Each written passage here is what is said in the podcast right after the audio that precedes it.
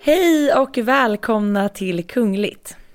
Vi är tillbaka och jag heter Jenny Alexandersson. Och jag heter Sara Eriksson. Och eh, ja, men man kan ju säga så här att Harry och Megans intervju hos Oprah har ju minst sagt bidragit med svallvågor. Och i veckans avsnitt så ska vi prata om Megans påstådda lögner. Vi ska prata om omvärldens reaktioner och vi ska prata om hovreporten som faktiskt sa upp sig från jobbet efter Harry och Megans intervju på grund av att han blev så upprörd. Eh, vi ska även prata om vad pressen tvingade prins William att göra några dagar senare vilket faktiskt kom att bli det första uttalandet ifrån Harrys broder. Och så ska vi såklart analysera brittiska hovets reaktion och pressmeddelande. Och eh, vi ställer frågan om den här intervjun var dödsstöten för Harry och Williams relation. För brittiska hovet de vill ju lämna dramat bakom sig och fokusera framåt. Eh, vi har bland annat sett en hyllning till Diana från barnbarnen. Och eh, något av glädjande nyheter att prins Philip har lämnat sjukhuset. Mm. Och här i Sverige, kronprinsessparet har testat positivt för corona. Och det gjorde att andra familjemedlemmar fick ta deras plats vid en väldigt viktig händelse. Och eh, mitt i pågående situation och pandemi så trotsar ett kungapar restriktionerna och åker på ett statsbesök. Det ska vi också prata mer om. Men vi börjar ju i USA och Harry och Megans intervju.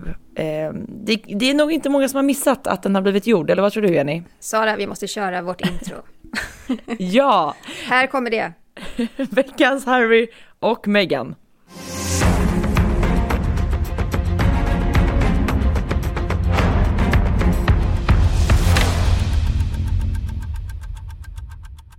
Ja, om man ska köra en snabb recap så är det ju så här.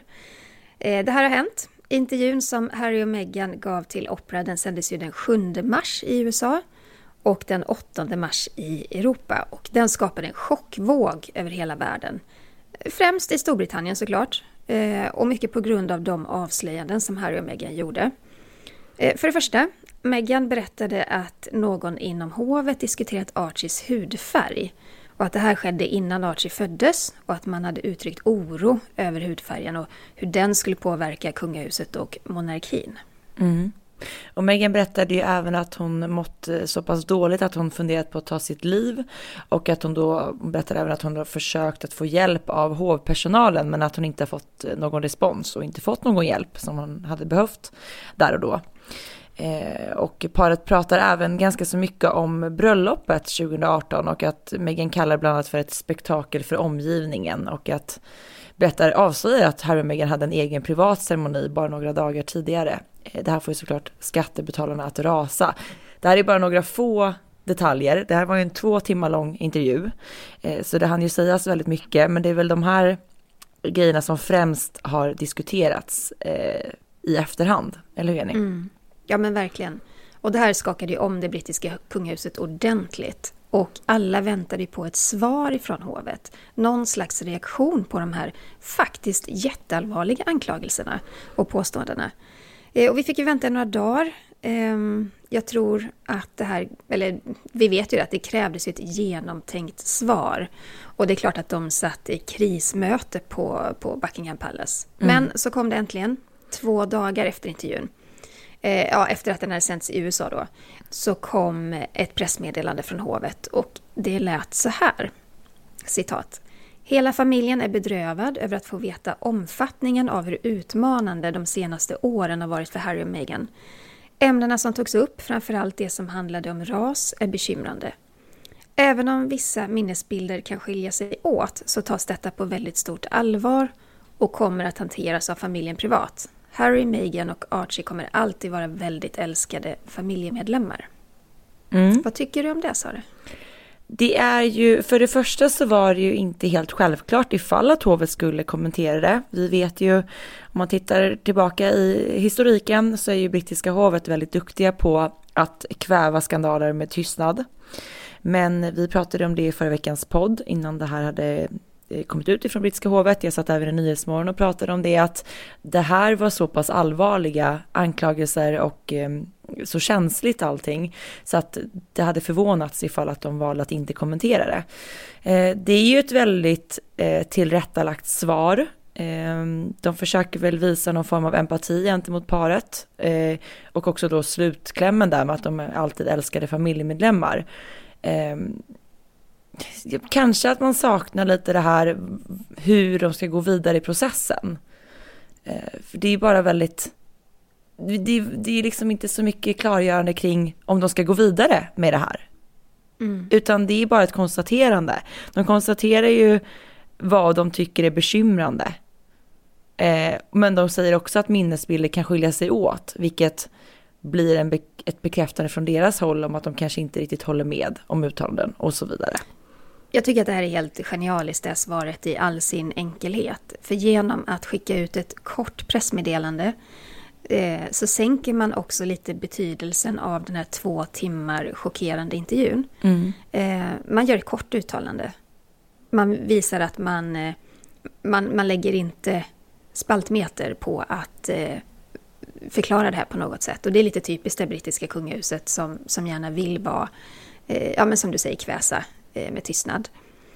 Eh, men man lägger också in känslor och det tror jag också är väldigt smart för att när man säger att hela familjen är bedrövad, när man säger att Meghan och Archie och Harry är älskade familjemedlemmar, eh, så gör man det här till en eh, väldigt familjär sak. Och det tror jag är smart av kungahuset att göra, för att om man gör det till en officiell, att vi ska starta en utredning, vi ska göra det ena med det andra, då lägger man ännu mer vikt vid den här skandalintervjun, får man väl ändå säga, på ett mm. sätt.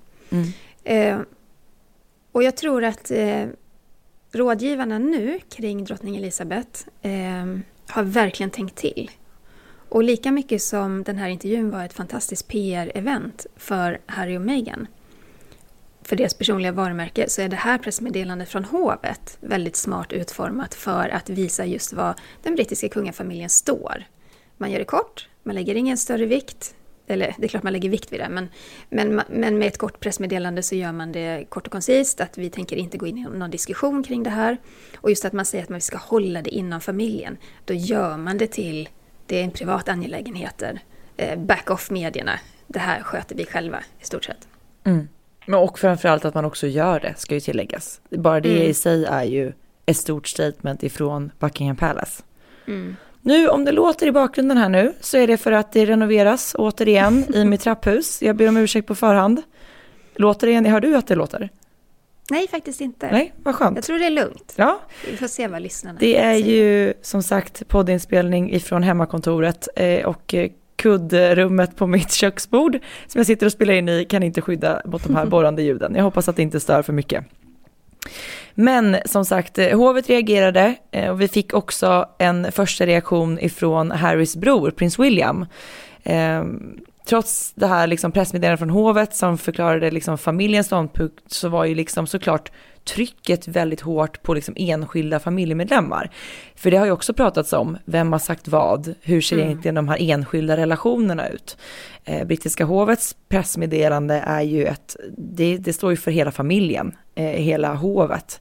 Men man är såklart intresserad av att se hur, hur enskilda relationer ser ut. Och eh, bara några dagar senare, den 11 mars då, var det fyra dagar efter intervjun då ja, så eh, var Kate och William på ett besök på en skola i östra London. Och eh, ja men, man ville ju liksom att, det, det, var liksom deras första framträdande, det var ju såklart ett enormt medialt pådrag, det är det alltid när de gör någonting, men jag tror att det var extra stå, stort nu, eftersom att man ja, men man vill ju få någon form av reaktion ifrån paret. Eh, och det sägs ju också att Kate skulle ha genomfört det här besöket ensam, men att ja, men det här trycket utifrån gjorde att även William följde med. Och han fick ju faktiskt också svara på ett par frågor på plats ifrån en reporter. Eh, vi kan ju lyssna lite på hur det lät. About anything. Sir, have you, broke, have you spoken to your brother since the interview? no, I haven't spoken yet, but I will do. And, and can you just let me know, is the, the royal family a racist family, sir? Very much not a racist fan. Ja, eh, William får då alltså frågan, har du pratat med din bror sedan intervjun? Och han svarar, jag har inte pratat med honom ännu, men jag kommer att göra det. Och den andra frågan han får är då, är kungafamiljen en rasistisk familj? Och då säger han, vi är verkligen inte en rasistisk familj. Och mm. det är såklart en ganska tuff fråga att få. Eh, som enskild medlem i en, en, familj som då påstås vara rasistisk. Men jag tycker att han klarar det ganska snyggt ändå. Kort men man hör ju, precis, man hör ju honom nu prata i det här klippet, men om man ser klippet så tycker jag att man reagerar på att han ser väldigt uppgiven ut. Det känns som att det har ju varit stormiga dagar här för hela familjen såklart efter den här intervjun och, och allt trycket utifrån. Eh, men jag vet inte, hela hans kroppsspråk, bara man ser hur trött han är på detta, detta drama. Ja, jag tycker han ser, han ser pressad ut. Mm. Att han ser, eh, han vill bara bort därifrån. Han, han, liksom, han är ju på väg, han och Kate går förbi eh, fotografer och journalister. Jag tycker han ser jättepressad ut. Ja, han stannar ju inte upp också... när han får den här frågan, utan han går ju vidare och svarar lite i förbifarten ja. ska sägas. Ja. Och nu har ju faktiskt då de två bröderna faktiskt fått tillfälle att prata. Eh, dels uppges, uppges det av den brittiska hovreportern Robert Jobson. Eh, men också tv-stjärnan Gail King. Hon var med i eh, CBS This Morning. Och hon är då god vän med Meghan kan man säga. Och hon berättar, hon sitter där i programmet och berättar helt öppet att ja, men jag, eh, jag var tvungen att ringa upp Harry och Meghan för att höra hur de mår. Och eh, hon säger då att hon fick veta att Harry nu har pratat med sin bror och även med sin pappa. Men att Harry och Meghan ska ha sagt att samtalen inte var särskilt produktiva. Mm. Så det här är ytterligare en käftsmäll mot Harrys familj kan man ju säga. Eh, jag reagerar väldigt starkt på att Eh, alltså, vi kan ju vara, vara, överens om att vi alla tycker att det här är väldigt intressant och eh, spännande det som händer och att det kommer sådana här utfall hela tiden. Men jag tycker inte det är riktigt rätt att Meghan och Harry ska få sitta och berätta för en tv-stjärna som för vidare det till hundratusentals tittare att samtalen inte var särskilt produktiva. Det är ju ytterligare en att lägga liksom en sten på bördan. Alltså kommer det här problemet mellan familjen och relationerna någonsin att lösa sig när det hålls på så här, undrar jag? Nej, det är ju ett drama som liksom spelas upp eh, på öppen ridå och som alla får ta del av. Eh, det är ju trots allt en familjeangelägenhet som, som liksom tas upp på en helt ny nivå när det sitter liksom vänner. Det är sådana andrahandskällor som sitter och pratar om det i ett stort tv-program. Eh, frågan är lite var de ska dra gränsen och Harry och Meghan som vi pratat om tidigare vill ju inte vara en del av den mediala uppmärksamheten säger de.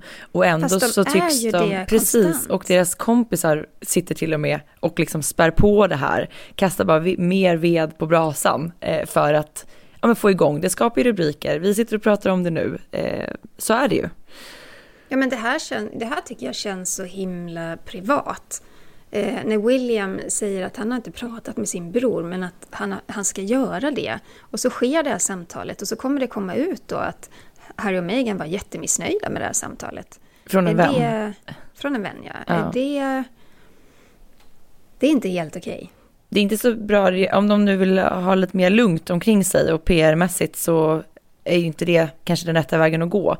Men det har ju re reagerats överallt, så är det ju. Det, den här ja. intervjun har ju fått helt otroliga eh, efterdyningar. Ja, jag måste bara säga en grej till om det. Att om man är angelägen om att lösa en eh, jobbig familjerelation, mm. då är ju inte det rätt lösning att sitta och babbla om det i tv. Nej, absolut Nej. inte.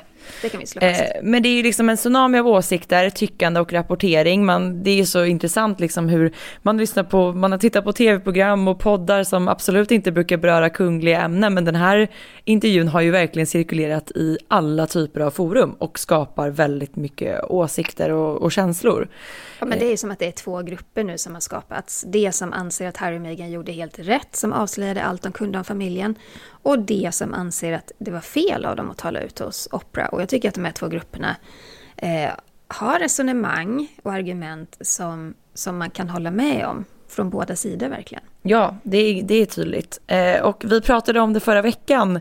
Eh, Piers Morgan i ITV, han var ju upprörd. Eh, vi lyssnade då på ett ljudklipp förra veckan när han hade vaknat upp eh, och tagit del av den här intervjun. Eh, det var minst sagt en, en upprörd man som väckte Storbritannien på morgonen.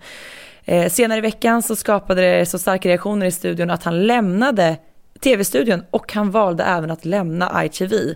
Eh, vi måste nästan lyssna lite på hur, hur det här lät när han lämnade studion.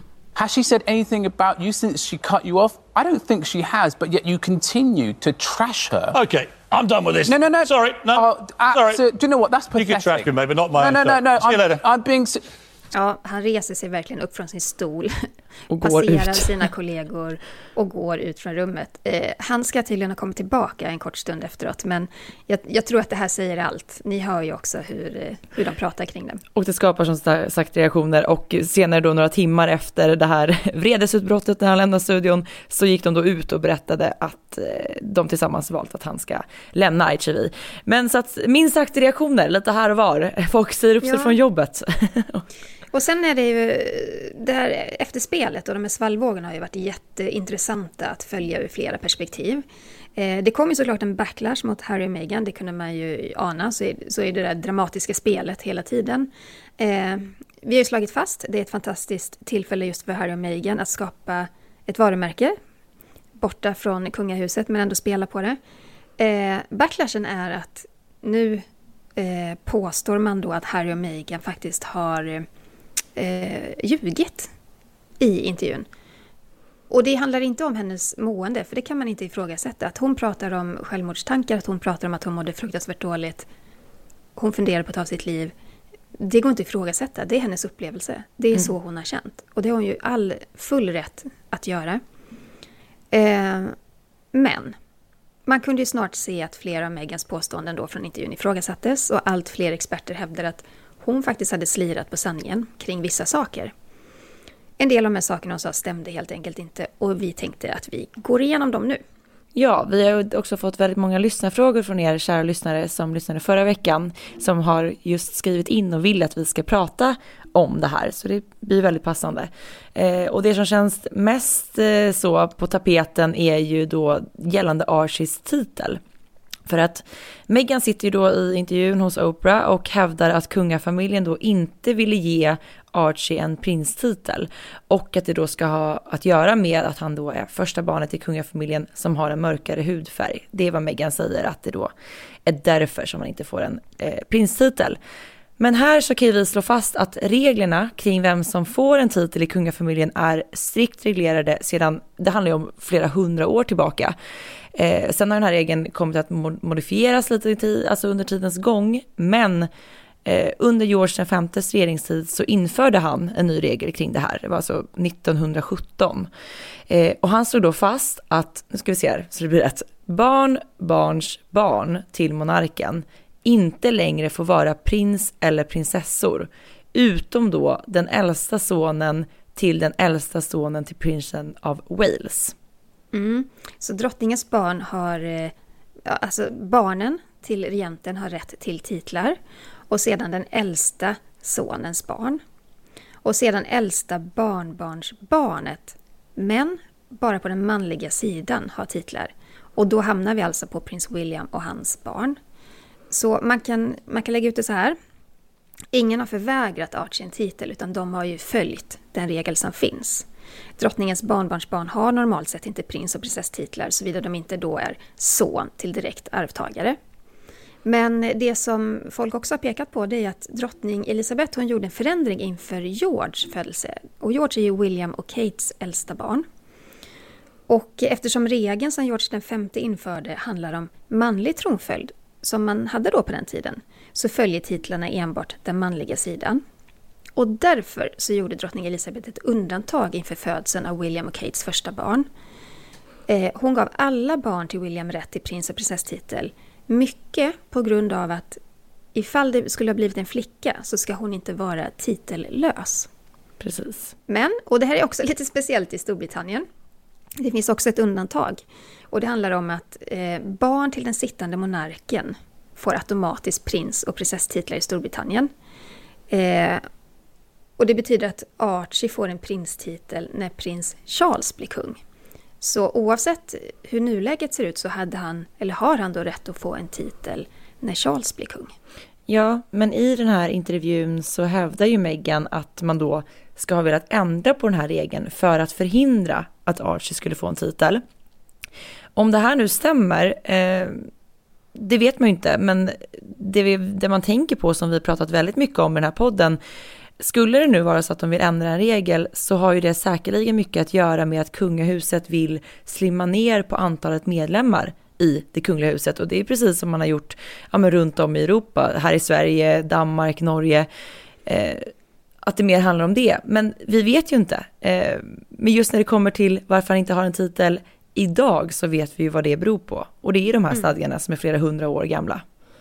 Och jag blir lite så här fundersam när jag tittar på intervjun igen. För att eh, finns det möjlighet att Meghan faktiskt känner till detta? För att i den här intervjun med Oprah så refererar hon till George Vs regeländring. Och sen kan man också lägga till, hon är gift med en man som kan detta utan och innan. Harry vet ju såklart hur det funkar. Och jag blir lite så ställd när hon då liksom presenterar hela saken som att Archie får ingen titel för att han har mörk hy. Så sitter ju Harry bredvid och vet hur det här ligger till. Alltså det blir jag lite så här konfunderad kring. Kan det vara så att hon har missförstått allting? Är det möjligt? Och varför gör man då inte liksom... Varför stoppar man inte upp där? Eller Harry liksom på något sätt så lägger in... Men med tanke på också då att anklagelsen, om det nu, om det hade stämt att det handlar om att de inte vill ge Archie en titel på grund av hans hudfärg så är det en skandal, det är fruktansvärt.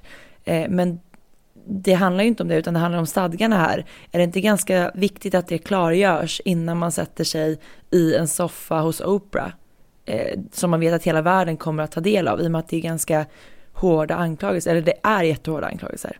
Ja, och eh, där tycker jag väl att Oprah skulle kanske gjort lite mer research i så fall. För i intervjun när hon får det här framlagt för sig, då är det som att hon tappar hakan, hon hittar inga ord, hon säger bara What? What? Alltså va? Va? Eh, och där kan jag väl tycka att man kanske skulle vara lite mer påläst som, som journalist som gör en sån här oerhört viktig och lång intervju. Eh, Att du kunde ha ställt en följdfråga kanske, att så här, men vänta lite nu, det här har väl inte att göra med det, har inte det att göra med de här stadgarna? I, liksom att man bara ställt den frågan. Men hela intervjun är ju tyvärr lite så att man saknar ju många följdfrågor ifrån Oprah. Eh, Vi får svar på många frågor, men det lämnar ju ännu fler frågor kvar. Ja, men det gör det. Alltså det, det, är det så hela intervjun är uppbyggd tyvärr. För att det är väldigt många gånger man känner så här, varför frågar du inte det här här och nu? Det är öppet mål för att ställa den här Ja. frågan, men det gör hon inte. Ehm, och det gäller ju bland annat det här då, vilket är den, en av de största diskussionerna. För att framförallt då team Buckingham Palace eller team kungafamiljen i den här i det här jordskredet som hade blivit efteråt. Det är just att man säger att men du sitter ju och ljuger i tv-soffan. Det är ju inte så här. Det handlar ju om det här istället. Eh, och det där retar ju såklart upp folk. Ja, och har man liksom medvetet eh, skapat ett drama kring det här så eh, är inte det bra såklart. Eh, Är det så att hon har missförstått? Alltså jag, jag har svårt att tro det. Men om hon har gjort det, då sitter ju faktiskt Harry där bredvid. Och kan lägga in då att så här, fast det beror nog på det här. Ja, Ja. Men Ja. det är liksom del ett då i det som diskuteras sant eller falskt egentligen i den här intervjun. Eh, nummer två som vi ska ta upp, det handlar ju om Archies eh, säkerhet. För att eh, Meghan hävdar ju att enbart kungligheter med prins och prinsesstitel får säkerhet betald av kungahuset. Och då när Archie föddes och inte fick titel, återigen, inte fick en titel, det handlar ju inte om det, eh, så fick han inte heller säkerhet. Ja, och det här stämmer ju inte heller riktigt. Eh, det är inte så att det är drottningen som tar det beslutet. Eh, Day Davis, han var tidigare chef över den kungliga säkerheten. Han berättade för The Mirror att de som tar beslut kring vem som ska få kungligt beskydd, det är inrikesministern, eh, den som är chef över Metropolitan Police, Police och samt då drottningens privatsekreterare. Och då har man gjort upp eh, en regel som säger så här att det är regenten och tronföljaren med familjer som får sin säkerhet betald av skattepengar. Men även de familjemedlemmar och släktingar som är arbetande kungligheter kan få beskydd. Eh, och särskilt då när de är ute på uppdrag såklart. Och då kan man ju se till exempel prinsessorna Eugenie och Beatrice som är döttrar till prins Andrew, eh, drottningens son. De får sina säkerhetsvakter betalda av sin pappa, prins Andrew. Det är Just alltså det. inte skattepengar. Och den som inte längre är arbetande kunglighet får då alltså inte använda sig av kungligt beskydd. Då får man betala själv. Och den springande punkten här har ju uppenbarligen varit just det här med om det ska vara betalt av skattepengar eller om man ska betala själv. Men då är det ju återigen så att säkerheten har ju faktiskt ingenting att göra med prins eller prinsesstitel. När man grottar ner sig lite i det här. Eh, vilket är Megans påstående. Att det ska ha att göra med Archies uteblivna titel. Eh, Men när man då grottar ner sig så är det ju inte ens det det handlar om. Nej, och här verkar det vara ett totalt missförstånd. Ehm, det är klart att det är rörigt med sådana här regler. Men jag reagerar på att Harry säger faktiskt i intervjun att han blev chockad när det gick upp för honom att han inte skulle få behålla det kungliga beskyddet när han och hans familj flyttade till Kanada. Så prins Harry som ändå är en del i den här eh, Eh, kungliga organisationen har liksom inte haft koll på hur det funkar. Och då undrar jag, har inte någon berättat det för honom? Har de aldrig pratat om det i, i familjen? Särskilt när det här kom upp på tapeten att de ville lämna kungahuset. Har ingen i familjen eller ingen på hovet sagt till honom att ja men bara så du vet att när du flyttar, när du inte vill vara arbetande kunglighet längre, eh, då kommer du inte ha beskyddet. Är det ingen som har nämnt det? Men det är också, och det är också det man ser mycket starka reaktioner där folk är upprörda och eller irriterade framför allt. Och det handlar just om parets eh, relation till pengar. Vi ska prata om det lite senare också, just det här gällande bröllopet. Men att de pratar om ekonomi och pengar på ett sätt som är, tolkas som ganska så naivt. Eh, mm. Dels gällande det här att så här, ska inte vi få något beskyddarskap? Och man tycker väl kanske att det är två vuxna människor som sitter i en soffa eh, mitt i en pågående pandemi där en hel värld har det tufft ekonomiskt och pratar om att eh, ja men lite så offerkofta i att man inte får hjälp av brittiska hovet när man väljer att lämna det och pappa Charles eh, för att man har, det är någon form av familjefejd som pågår.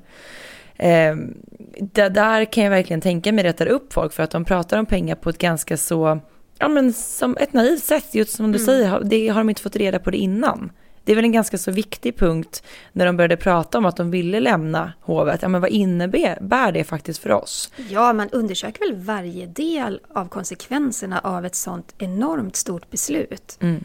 Och att ingen har nämnt det, att han inte ens har frågat. Han har bara tagit för givet då att jo, men det här kungliga beskyddet har jag resten av mitt liv. Och så har ingen ens sagt till honom att ja, fast enligt de här reglerna så kommer du inte ha det när du slutar vara arbetande kunglighet. Alltså det är ju helt Och där då man kikar på kusinerna då, Eugenie och Beatrice, så får ju de uppenbarligen då stöd från sin pappa, ekonomiskt stöd i den här frågan. Mm. Eh, men det är också tydligt i intervjun hos Oprah att det finns en tydlig spricka mellan Harry och hans pappa. Eh. Ja, för prins Charles har ju slutat, eh, vad var det, i första kvartalet av 2020 så ja. slutade han betala ut de här miljonerna till Harry. Och det var ju också en konsekvens av beslutet att Harry inte ville vara en del av Eh, det kungliga huset. Nej, och då är det också en konsekvens, en helt naturlig sån, att då får inte han heller del av eh, det här, den, den här ekonomiska hjälpen från sin far. För det går ju till arbetande kungligheter. Eh, sen vet jag inte, det är klart att man hade kunnat göra undantag, eller Charles hade väl kunnat bestämma att han gör ett undantag. Men han ville väl tydligen ge eh, en, en klar signal att så här är det. Om du inte arbetar utan ska leva lyxliv i Los Angeles, då gör du det med egna pengar. Mm. Och det var ju det som Harry och Meghan ville från början. De ville vara självständiga, de ville tjäna egna pengar. Och så ska då en, ursäkta, nu är jag faktiskt lite, nu är jag lite sur i tonen och lite ironisk kring det här. Men det får man vara. Mm, för här tycker jag faktiskt att Harry är fel. Han är en vuxen man, vad är han, 36? Han tycker att han ska få dra till Los Angeles och leva lyxliv och göra precis som han vill och inte ha ansvar för kungahuset och representera. Men han blir jättearg när hans pappa inte vill fortsätta dela ut de här miljonerna eh, eh, varje år till honom. Det är liksom en vuxen individ vi pratar om, med egen familj. Jo, men vill... det är ju det här som folk blir så upprörda över. Det är exakt det här som är ett jätteproblem med den här intervjun. Att man, vad hade han tänkt sig? Det är väl sällan man slutar på ett jobb och får fortsatt lön därifrån. Så är, ja, men så är det ju. Men det tycker de är jättekonstigt och då ska man hänga ut hela familjen hos Oprah för att man är så mm. frustrerad och arg. Istället för att liksom så här, vi som sitter och tar del av den här intervjun har ju koll på det här, vi kan ju kolla upp det här. Eh, det är klart att folk kommer bli galna på paret och det skapar ännu mer eh, medial uppmärksamhet som de inte vill ha. Alltså det är bara, det är sånt ekorrhjul och det är sånt så motsägelsefull så många delar i det här. Eh, Jag tror att om man ska ta det beslutet att tala ut hos Opera ett program som kommer ses av miljoner, miljoner människor världen över. Då ska man nog som intervjuperson också vara, ha tänkt igenom väldigt, väldigt noga. Vad vill man få fram? Eh, kolla, dubbelkolla allt mm. man tänker ta med sig in i intervjun. Dubbelkolla alla uppgifter så att man inte sitter där på pottkanten sen. För det är, väl, det är väl en sak att vara eh, upprörd eller besviken på sin familj och, och man hade tänkt sig ett annat eh, utslag av sina val man gör. Eh, men då får man banne mig vara jättenoga när man sitter och framför sådana här uppgifter. Så att, som du säger, det går ju att kolla. Mm. Och det är inte bara kungafamiljen som har blivit indragen i det här dramat. För att i intervjun så säger också, eller Meghan gör ett litet utspel gällande bröllopet. Och det gjorde faktiskt att ärkebiskopen eh, Justin Wilby blev indragen i allt det här. För då menar man på att efter det Meghan berättade så frågar man sig då, bröt då ärkebiskopen emot eh, Engelska kyrkans regler när han vigde paret? Eh, så att Engelska kyrkan har också fått gett sig in i den här diskussionen. För att Meghan berättade ju att paret då några dagar innan bröllopet, om det var tre dagar innan, eh, de gifte sig i Windsor den 19 maj 2018, så berättar Meghan hur paret hade en privat ceremoni eh, och säger då att Harry och Meghan utbytt sina löften eh, hemma på, på bakgården till deras eh, hem. Meghan sa bland annat så här att tre dagar innan bröllopet gifte vi oss, ingen kände till det. Vi vill att vi, vårt förbund, eller förband mellan oss ska vara så starkt som möjligt. Mm. Eh, och Harry fyller då i Megans ord och berättar att de har, som sagt att det ska ha skett på parets bakgård och att det bara var Harry, Meghan och ärkebiskopen på plats. Och, och, då får man ju också tänka så här att enligt Engelska kyrkans regler mm. Eh, så får ju inte ett par som är lagligt vigda återgifta sig med varandra. Och det här, eh, det här ställer till med problem. Ärkebiskopen Justin Welby, han har valt att inte kommentera det här. Men andra röster inom Engelska kyrkan har ju faktiskt sagt att det, det krävs minst två vittnen för att en ceremoni ska räknas som vigsel och menar att ärkebiskopen inte har gjort fel i det här. Men, men jag tänker också, är det här också ett missförstånd som de har blandat ihop lite grann? För att det kan ju också vara så att ceremonin de hade tre dagar före bröllopet var mer en slags välsignelse. Att det var mer det var mer en, en, privat stund, men inte en riktig vigsel. Förstår du vad jag menar? Ja, men då undrar jag så här, varför väljer då Meghan och Harry att prata om det här? Det är ju ett, det är ett faktafel, återigen, och det försätter ju också ärkebiskopen i det här fallet i en ganska knivig sits. Eh, det retar gallfeber på brittiska folket som tycker att liksom, nu förnedrar paret inte bara kronan utan även kyrkan. Ja, och sen också det att de säger att, eh, eller Meghan säger att eh, det officiella bröllopet var ett spektakel för andras skull. Mm. Det kan man väl också tycka att de ville ha ett stort bröllop och de fick det med dyr kortege och allt vad det innebar. Och det är en del skattepengar inblandat i det också. Så jag menar, det kan man väl tycka att säg inte sådana saker, det kommer reta gallfeber på folk. Nej, men om vi skulle så spola tillbaka tiden till när vi satt i den kungliga studion och spelade in kungligt igen innan bröllopet. Hur mycket pratade inte vi om de här turerna kring just parets bröllop och mm. att liksom kungahuset ville banta ner på det och dra ner på kostnaderna och paret ville slå på stora trummorna och ha en stor kortege och allt vad det innebar. Mm. Och sen nu två år senare eller vad det blir, då ska Meghan stå hos Oprah och berätta att vi gifte oss tre dagar innan för det här andra spektaklet det var bara för alla andra. Mm. Ah, inte snyggt. Det var inte snyggt. Men det här har ju också, intervjun och all, alla svallvågor, det har ju också påverkat eh, människors syn på Meghan och Harry. Och enligt en undersökning från YouGov så är förtroendet för Harry och Meghan lägre än någonsin efter intervjun med Oprah Winfrey. Harry han har ju tidigare varit superpopulär i brittiska kungahuset, men nu är det alltså en större del britter som är negativt inställda till honom än positivt. 48 procent är negativa. Ehm, och sen fanns det andra svarsalternativ, men 48 procent så lågt har han, eller så högt med negativa röster har han aldrig legat innan. Eh, för Megans del så är 58 procent av britterna negativt inställda till henne. Sen ser man att det är lite en åldersskillnad där, att äldre över 65 eh, är mest negativa. De yngre, den yngre generationen är lite mer positiva. Och kanske att det, jag bara tänker att kanske har det att göra med att hon faktiskt var så modig att hon vågade prata om sitt mående och psykiska ohälsa och självmordstankar. Eh, men också tror jag att det krävs ju också en del mod att prata om rasism. Mm. För det tror jag verkligen att... Eh, jag tror inte att det har någonting med det här med prins titel att göra, men det är klart att det finns en rasism inom det brittiska hovet så som det ser ut i samhället i övrigt. Så där kan jag tänka mig att den yngre generationen ändå tycker men fasen var bra att hon vågade prata om det här. Ja, och det ska man inte sticka under stolen för att det har ju varken när vi har pratat om den här intervjun, den delen kan man inte ifrågasätta och det tycker jag vet att du också tycker det, Jenny, det är, det är jättebra att man pratar om psykisk ohälsa. Den finns såväl i koja som slott eh, och vi mm. behöver prata mer om det eh, överlag och inte vara så rädda för att berätta hur vi faktiskt mår. Det är inte det som är eh, problematiken med den här intervjun, utan det som är så motsägelsefullt, det är att paret inte vill ha medial uppmärksamhet. De vill inte att fotografer ska jaga dem, de vill inte bli omskrivna i media. Men de sätter sig i en soffa hos Oprah, de vet att det kommer ses av miljontals människor och de sitter och spyr ut galla över brittiska kungahuset och faktiskt spyr ut rena faktafel. Ja, men under intervjun så fick ju även Kate sig en lavett av Meghan. Eh, Meghan berättade om en situation som skapade väldigt stora rubriker i samband med bröllopet då, 2018. Eh, man påstod då i pressen bland annat att Kate fick Meghan att börja gråta efter en diskussion om brudnäbbarnas kläder inför bröllopet.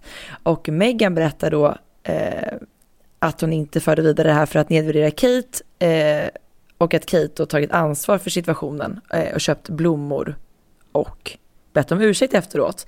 Eh, det har ju också skapat rubriker eftersom att Meghan berättar att Kate har fått henne att gråta eh, och hon berättar att de har lämnat det bakom sig och att de har bett om ursäkt och allt vad det är, men ändå väljer hon att ta upp det mm. hos Oprah. Vilket mm. är märkligt. Det är märkligt. Eh, men det framkommer ju också snabbt uppgifter i den brittiska pressen efter den här intervjun. Eh, källor som då säger att nej, i själva verket var det så att Meghan fick Kate att gråta. Men att Kate Eh, hon, hon hade fött barn två veckor tidigare. Eh, hon var väl, eh, hade väl också lätt i tårar. Hon ville försonas och det var därför som hon kom med blommor hem till Meghan. Och de källorna hävdar också att Meghan slängde igen dörren i Kates ansikte. Vi får väl ta allt sånt här med en nypa salt kring den här konflikten. Kan, kan, vi konstatera det som du sa precis i början där Sara, att eh, om de har försonats, om det här är något de har lagt bakom sig, varför tar Meghan upp det? Ja men det är väldigt märkligt, men som sagt, precis som du sa, hela den här konflikten, det är så, den rapporteras från så många olika håll. Den rapporteras direkt från Meghan, det är pressen, det är källor mm. och alla säger egentligen olika saker. Eh, vi försöker bara förmedla nu vad vi tar del av för information från alla håll och vad Meghan själv har sagt. Men vi ja. kan konstatera att det verkar eh, verkar infekterat. Det kan vi i alla fall ja, säga. Ja, och alltså anledningen till att Meghan tog upp det här, det var att hon skulle ge ett exempel på att brittiska hovet aldrig försvarade henne, men alltid försvarade Kate och de andra i familjen. Så det, alltså det var väl orsaken egentligen till att hon tog upp det som exempel, men eh, hon kanske hade kunnat välja ett annat exempel om det var så att det här var överspelat. För att det är många då som menar att eh, det här skapar ytterligare en djupare klyfta mellan bröderna och mellan svägerskorna helt enkelt. Ja, och Men vi tar det med en nypa salt. Alltså vi tar det med en nypa salt. Ja. Eh, vi får inte lägga så mycket värdering i det, eh, för det är Nej. väldigt svårt att skilja vad som är sant och falskt i den mm. konflikten. Men efter intervjun med Oprah så fick ju Kate och William enorm uppmärksamhet såklart. Eh, främst såg man ju det i sociala medier och det var ju absolut inte enbart positivt, utan tvärtom. Eh, de här rasismanklagelserna spillde ju över eh, även på dem såklart, eh, efter att Harry poängterat att det inte var drottningen eller prins Philip som då som han uttryckte det, hade oroat sig över Archies hudfärg. Eh, och då lades ju väldigt mycket tyngd på då William och hans pappa Charles. Eh, mm. Det blev naturligt att det föll på dem då. Man kunde ju se att eh, Kate och William, de gick efter drottningens devis, eh, Keep calm and carry on. Alltså de fortsatte att jobba. Några dagar efter intervjun så var de då besökte den här skolan i östra London där William då fick de här frågorna eh, kring sin bror. Men eh, de gjorde så som drottningen brukar göra. Och istället så valde man att fokusera på prinsessan Diana faktiskt. För att eh, lite senare så var det dags för mors dag i Storbritannien. Och då la Kate och William upp eh, teckningar som George, Charlotte och Louis hade ritat till sin farmor, prinsessan Diana. Eh, och så berättade de i texten att man varje mors dag faktiskt ritade teckningar och skrev hälsningar till Diana. Så att de försökte väl rikta strålkastarljuset på någonting annat i den här eh, relationskrisen. Och där är också Diana ett eh, säkert kort för att eh, finns det någon som är så älskad och hyllad av eh, brittiska folket som Diana. Eh, så då blir det mm. lite mer positiva tongångar på sociala medier framför allt. En del har ju också hävdat att det var så dålig timing för Meghan och Harry att sätta sig i intervjusituation. Just när Harrys farfar, Farfar. Precis. låg på sjukhus. Prins Philip han är 99 år och han spenderade faktiskt 28 dagar eh, på sjukhus. Eh, han låg först på King Edward VII sjukhus och sen fick han, fick han flytta till ett annat sjukhus som var specialister på eh, hjärtproblem där han genomgick då en hjärtoperation. Men i tisdags den 16 mars då skrevs han ut från sjukhusvistelsen. Och det var ju fantastiskt. Fantastiskt, det är glädjande nyheter. Eh, vi fick då se bilder på hur prins Philip, 99 år, snart 100 år, går ut själv ifrån sjukhuset. Strong alltså. Ja, sätter sig i en bil och blir skjutsad hem till Windsor Castle. Snacka om pannben. Han fyller 100 år eh, nu i sommar och eh, det, jag tycker det är imponerande. Men han, eh, han har ju då lite grann skyddats från den här intervjun, säger källor till brittiska medier. Och det kan man ju förstå när han är i den åldern och så krasslig. Ja, och intervjun spelades givetvis in innan eh, Philip blev sjuk, eh, men det var ju väldigt många som tyckte att det var, kom väldigt olämpligt att det skulle börja skaka om brittiska hovet så mycket när han redan var väldigt svag. Vi ska ta oss eh, till Sverige nu. Mycket Storbritannien och USA här i senaste poddavsnitten. Eh, vi ska ta oss till Haga slott. För att i förra veckan så fick vi då information ifrån hovet om att kronprinsessan Victoria och prins Daniel testat positivt med då ett covid-test. Ehm, och de skulle ju ha närvarat vid en minnesgudstjänst för människor som förlorat livet av covid-19. Ehm, men Victoria hade då känt sig förkyld i en dag och då tog de det säkra för det osäkra enligt hovet och testade sig. Och visade sig då att de hade corona. Och de har ju haft ganska milda symptom som har liknat en eh, influensa. Eh, Men familjen isolerade sig med en gång. Och barnen också på Haga slott. Och veckan dessförinnan så hade det varit sportlov och barnen hade varit hemma. Så att nu blev det en vecka till hemma helt enkelt. Yes. Och varken Victoria och Daniel har ju fått vaccin för att de tillhör inte en riskgrupp. Men prins Daniel han är ju njurtransplanterad och äter ju immunförsvarshämmande medicin. Men man, gjorde, man har ändå gjort den bedömningen då att han inte tillhör någon riskgrupp. Och det tänker jag, det, det låter ju som en bra grej för då antar jag att prins Daniel mår så pass bra att han, eh, ja, men att han klarar sig fint helt enkelt. Och det är ju glädjande nyheter. Mm. Eh, Ja, och istället för kronprinsessparet då som insjuknat i, i corona så fick ju då prins Carl Philip och prinsessan Sofia hoppa in i deras ställe vid den här minnesgudstjänsten i Drottningholms slottskapell. Eh, de har ju också varit sjuka i corona i november. Eh, troligtvis kanske de har antikroppar kan man ju tro. Men de var då på plats och tände bland annat ljus och prins Carl Philip tackade all vårdpersonal. Och jag tycker att vi ska lyssna lite på hur det lät. Vi ber för alla som arbetat och fortfarande arbetar hårt inom vård och omsorg. För alla som tröstar, helar och läker.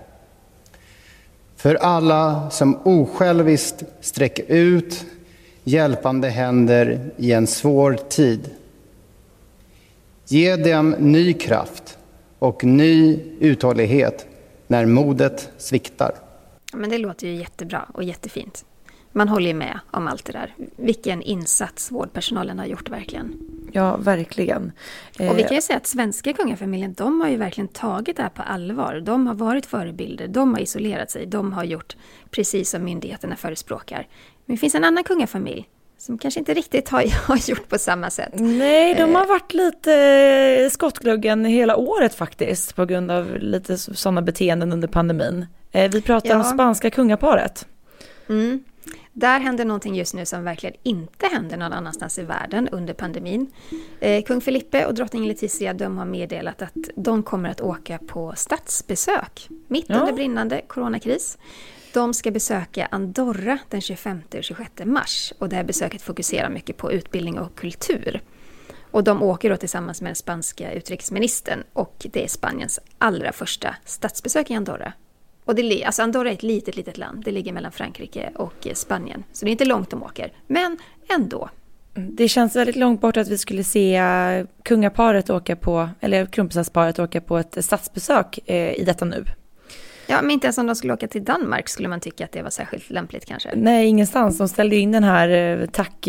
De skulle ha någon form av turné här under eh, sensommaren och hösten när de ville besöka alla län i Sverige för att liksom se hur de har klarat sig igenom krisen och hur de arbetar, men den ställer man ju in. Eh, och då var det ändå inom landet. Ja. Hörni, vi har fått en drös med titta, äh, lyssnarfrågor. Och, eh, Varför vi, vi ska- alltid tittarfrågor? ja, det är sedan tv-tiden. Men vi, eh, vi, vi tar ett par av dem. Eh, Karin Larsson undrar, varför var Diana så populär för fotografer? Varför jagar de henne in i det sista till och med? Ja, det är ju en ganska så bred fråga, är det ju. Eh, Men om vi säger så här, både Diana och presskåren hade ju någon form av lite så katt och råttalek. Eh, Så var det faktiskt, även om Diana eh, oftast kanske inte ville bli fotograferad och omskriven, så blev det nästan som en destruktiv relation.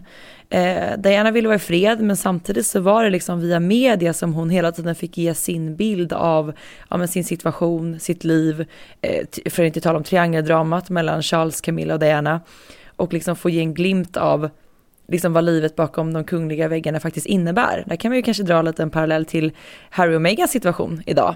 Just att man vill inte vara en del av det men ändå så väljer man den vägen. Eh, Diana är ju faktiskt fortfarande världens mest fotograferade kvinna.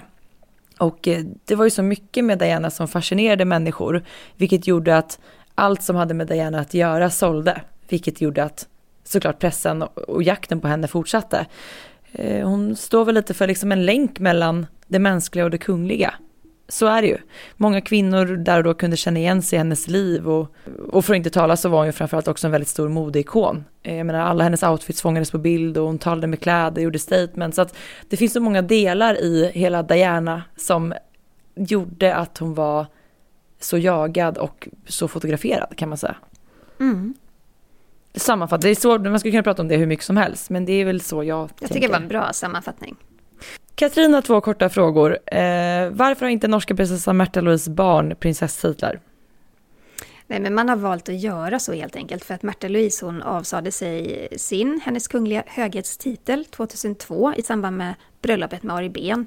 Mycket av det handlar om att hon också ville leva ett självständigare liv och eh, tjäna egna pengar och ha affärsverksamhet och sådär. Eh, och då har det nog blivit ett naturligt steg att barnen har inte heller hennes kungliga höghet eh, eller prins och prinsesstitlar. Ja, nu är det tre döttrar hon har, så prinsesstitlar. Just det. Sen har hon även en till fråga här. Varför deltar inte drottning Elizabeth på utländska bröllop? Har det alltid varit så eller någonting som vuxit fram? Ehm, man kan väl säga i alla fall de senaste decennierna så har hon inte varit på utländska bröllop. Hon är en upptagen kvinna, hon har mycket på sitt bord eh, och hon är heller inte särskilt förtjust i att eh, flyga kors och tvärs och gå på eh, långväga släktingars bröllop. Hon har ju regerat i, vad är det, 68 år. 68 år. Så man kanske också kan ursäkta henne där lite grann. Men däremot så skickar hon gärna representanter. Här i Sverige till exempel på kungliga bröllopen så har det varit eh, prins Edward och hans fru Sophie som Just har det. varit på, på de kungliga kungabarnens bröllop helt enkelt. Skicka gärna in eh, fler frågor till oss. Det gör ni till kungligt.aftonbladet.se. Eh, glöm inte att prenumerera på vår podcast. Eh, klicka på prenumerera-knappen så missar ni inget avsnitt. Eh, det går som vanligt fort när vi poddar Jenny och man tycker att man inte hunnit sagt någonting men det har vi nog gjort på den här tiden. Det har vi och eh, vi är jätteglada för att ni lyssnar. Vi har rekordsiffror varje vecka. Vi är så glada för det. Så roligt. Och många av er är jätteintresserade av eh, kungahuset, kanske är royalister och lyssnar av den anledningen. Men många av er är också helt eh, eh, neutrala när det gäller kungahus och monarki och, och sådär. Och det är jättehärligt att ni allihopa lyssnar. Vilken bred grupp ni är. Tack, Tack för att ni är med oss varje vecka. Tack, tack för att ni är med oss och eh, jag hoppas att ni gillade även veckans avsnitt och att ni är med oss nästa vecka igen. Ha det så gott. Hej då! Hej då!